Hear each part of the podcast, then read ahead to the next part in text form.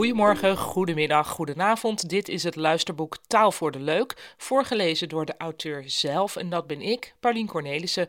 Um, ja, ik heb besloten dit boek, eh, wat ik dus heb geschreven, dan ook voor te gaan lezen. En ik bied het aan in podcastvorm, omdat ik zelf van podcasts houd.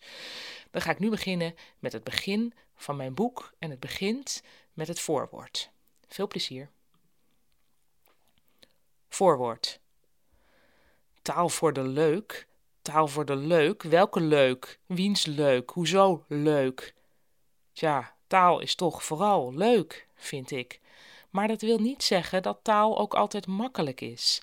Taal is meestal moeilijk en onbegrijpelijk en raar, en het is een wonder dat we elkaar zo vaak begrijpen. Dit is mijn derde boek over taal en nog steeds kan ik denken: taal, arg, begreep ik er maar wat van. Ik heb dagelijks gesprekken met mensen en ik red me heus wel, maar als ik over zo'n gesprek nadenk, ontdek ik meestal dat ik de helft niet begrijp. Dat gaat over kleine dingen waar je ook makkelijk overheen zou kunnen denken, maar dat doe ik nu eenmaal liever niet. Laatst. Ik zat al vroeg in een cafeetje en bestelde koffie. De ober noteerde dat en zei: Komt u ook een hapje ontbijten? Dat hapje ontbijten vond ik dus ineens heel gek klinken. Zeiden mensen dat tegenwoordig? Had ik iets gemist? Of drukte deze ober zich expres creatief uit, daarmee uitstralende dat hij meer was dan alleen een ober? Was hij ochtends opgestaan en had hij gedacht: ik ga mezelf nooit meer bedienen van dat pinnige obercliché, dat was het? Was dit voor hem een nieuw begin? Of misschien was het volstrekt normaal om een hapje ontbijten te zeggen en vond ik het alleen maar gek klinken. Hoe kwam dat? Door mijn slaapgebrek? Wat ingewikkeld. Een ober denkt iets, daar moet hij woorden aan geven, die woorden moet ik opvangen en mijn hersenen moeten daar weer een betekenis aan geven. Op elk punt kan het fout gaan. Met elkaar praten is bijzonder omslachtig. Nee, zei ik, ik kom geen hapje ontbijten. Prima, zei de ober. Het onmogelijke was voor de zoveelste keer gelukt, een geslaagd gesprekje was gevoerd. Soms gaat het fout. Een tijdje geleden maakte ik een praatje met een vrouw die had ontdekt dat we in dezelfde buurt woonden. Ik zie je anders nooit, zei ze. Het klonk beschuldigend. Wat moest ik daarop zeggen? Sorry, ik zal mijn best doen meer in de buurt rond te lopen. Ik was daar niet ad rem genoeg voor en zei op veel te nederige toon: Ik woon hier toch al best lang. Ja, ja, dat zal wel, zag ik haar denken. Maar dacht ze dat ook echt? Dat weet je dus niet. Dan ga je dus invullen en dat mogen we niet meer sinds we op cursus zijn geweest. Soms gaat het per ongeluk goed. Toen ik onlangs een nogal schreeuwerige broek aan had, merkte iemand lachend op: Zo, lekker drukke broek. Ik was weer eens niet wakker genoeg om een goed antwoord te geven en besloot stoïcijns te doen, alsof het een echt compliment was geweest. En dat bleek het toen, o oh wonder, ook echt te zijn. De complimentgever ging zelf ook zo'n broek kopen, zei hij. Stel dat ik alerter was geweest, dan had ik misschien iets sarcastisch teruggezegd en had ik hem gekwetst. Dan had hij nooit meer durven vragen waar ik die broek vandaan had. We waren langs een afgrond gescheerd. Geschoren? Gescheerd. Omdat de taal zowel van de spreker als van de luisteraar is, gaat het de hele dag net goed en bijna fout, of bijna goed en net fout. Tijdens het schrijven van dit boek kwam ik er bijvoorbeeld achter dat ik met enige regelmaat de uitdrukking binnen ja en nee gebruik. Die uitdrukking blijkt vrijwel niemand te kennen, maar voor mij is ze even normaal als de uitdrukking in een vloek en een zucht. Binnen ja en nee betekent ook ongeveer hetzelfde, heel snel.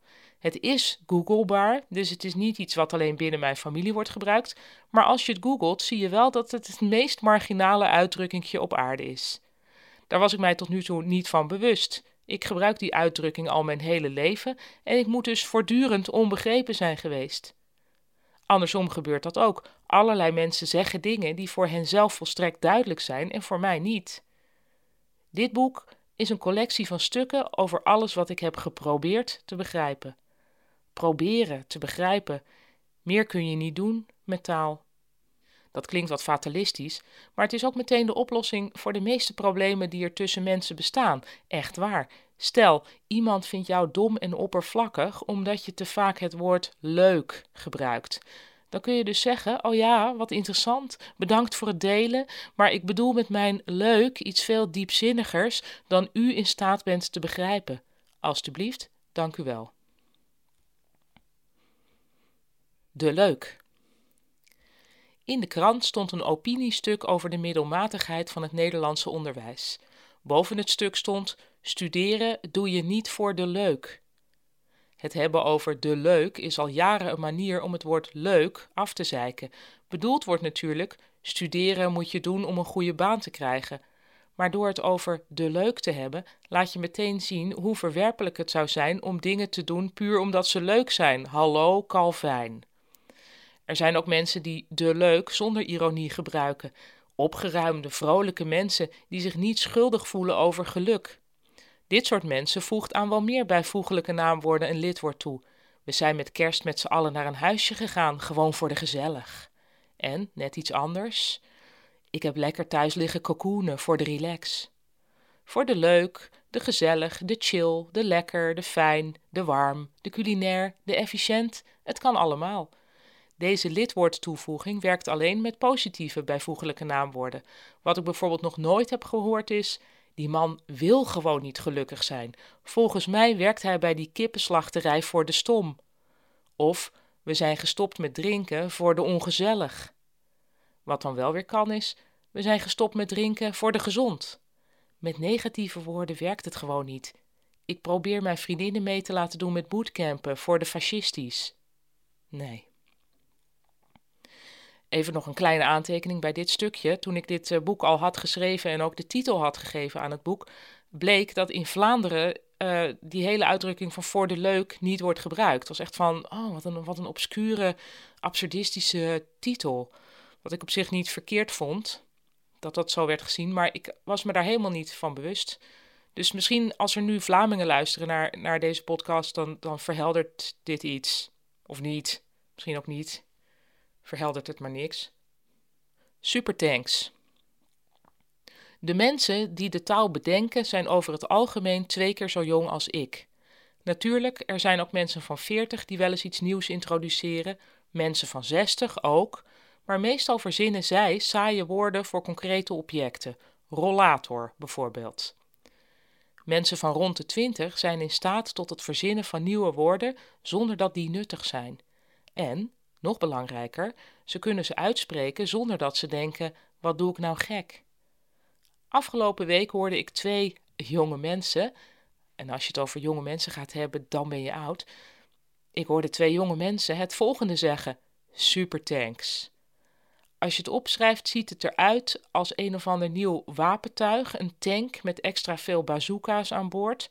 Maar als je het hoort, weet je meteen: het is een expres Nederlands uitgesproken super thanks.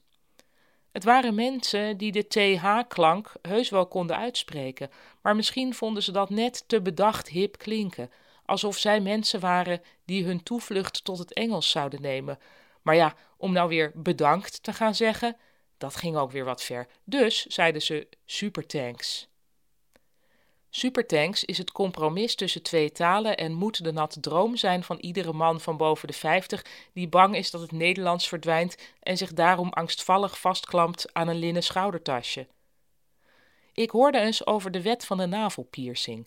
Als je die piercing op je 23ste nog niet hebt, neem je hem ook niet meer.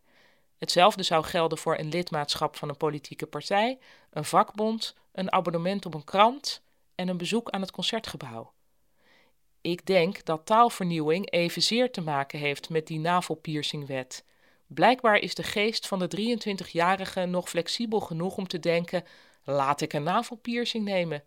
En weet je wat? Ik ga ook bij een vakbond. En nu ik toch bezig ben, super thanks.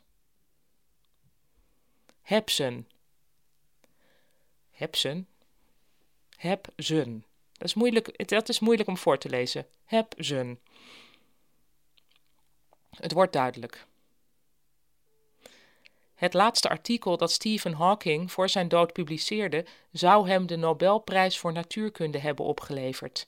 Dat zei een professor uit Leuven, die de co-auteur van dat laatste artikel was.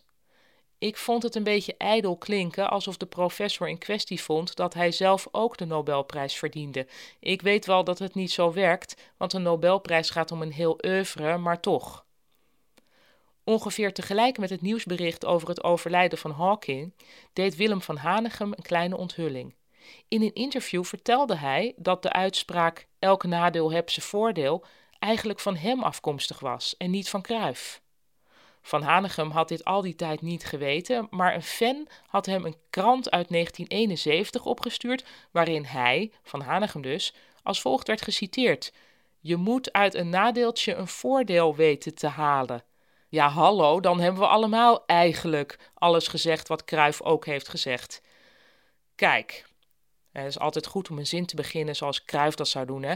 Kijk, je kunt geloven in Kruif als orakel, of je kunt zijn heilig verklaring overtrokken onzin vinden. Allebei goed. Maar als je wil weten waarom de uitspraken van Kruif zo goed zijn blijven hangen, dan moet je kijken naar de vorm van die uitspraak. De inhoud, daar gaat het nou juist niet om. Je moet uit een nadeeltje een voordeel weten te halen versus elk nadeel heeft zijn voordeel. Zeg nou zelf. De eerste zin heeft geen ritme, de tweede is ritme. De eerste zin is een soort advies, de tweede zin een universele waarheid. De eerste zin is grammaticaal in orde, de tweede zin is beyond grammatica. Het briljante van de zin van Kruif zit in dat hebsen. Om in voetbaltermen te praten, de uitspraak van Van Hanegem is pingelen, de uitspraak van Kruif knalt de bal keihard in de linkerbovenhoek. Als er een Nobelprijs voor uitspraken was geweest, dan had Kruif die hiermee moeten winnen. En Van Hanegem, die was hoogstens de co-auteur. Woord aan elkaar plakisme. Voordat ik dit stukje voorlees, zal ik even meteen iets zeggen. Ja, ik weet dat er, dat er ook mensen zijn die uh, Nederlands niet als eerste taal hebben en die soms mijn boeken gebruiken om uh, beter Nederlands te ja of beter, nou ja, gewoner Nederlands te leren. Uh, dat vind ik natuurlijk altijd heel eervol en tof als dat gebeurt, als ik daarover hoor. Um, in dit stukje dat ik nu ga voorlezen staan een paar buitenlandse woorden die ik ongetwijfeld heel slecht ga uitspreken. Dus dat, um, probeer daar alvast van te genieten als je zelf iemand bent die die taal wel goed kan. Het stukje heet dus Woord aan elkaar plakisme. Steeds meer Nederlandstaligen schrijven woorden los terwijl die aan elkaar horen koffie, spatie bar, sushi, spatie restaurant. Je hoort het in het Nederlands aan elkaar te schrijven, maar dat gebeurt steeds minder. Vermoedelijk komt dat doordat je in het Engels niet zoveel aan elkaar schrijft en wij hangen nu eenmaal naar het Engels. In het Duits wordt veel meer aan elkaar geschreven, maar dat ziet er voor ons toch al snel te ingewikkeld uit. Rechtsschutzversicherungsgesellschaften bijvoorbeeld. Wie graag met autoritair stemgeluid Duitse woorden voorleest, en dat is bijna iedereen in Nederland, kan met dit soort woorden zijn hart ophalen. In het Turks kunnen ze er ook wat van. Neem, nou, nou komt hij hoor. Czechoslovakia lila sturama diklirimiras dan misinis. Nogmaals excuus aan, de, aan de mensen die Turks kunnen. Dit Turkse woord betekent: Bent u een van degenen die we niet uit Tsjechië kunnen laten komen? 43 letters. Ter vergelijking, een scrabblebord is maar 15 letters breed. In het Nederlands bestaan er ook wel lange woorden. In de Vandalen staat bijvoorbeeld het woord chronische vermoeidheidssyndroom. Dat ziet er naar mijn mening belachelijk uit. Je wordt al moe van het woord alleen. Doe maar los, zou ik zeggen. Dat vinden veel andere Nederlandstaligen met mij. Toch is er een tegenbewegingje gaande, een neiging om bepaalde leuk klinkende woorden juist langer te maken. Denk hierbij aan het woord schathemeltje rijk. Een tijdje geleden werd dit woord opgenomen in de reclamecampagne van Triodos. Dat was geen toeval. Juist een relatief softe bank als Triodos doet er goed aan een verdacht begrip als rijkdom te vergezelligen. Schatrijk is eng en ziet eruit als Dagobert Duck. Hemeltje is lief en iets wat je oude tante zegt. Schathemeltje rijk maakt iets verdachts ineens tot iets gezelligs. Een ander expres langer geschreven woord is bollewangen hapsnoet.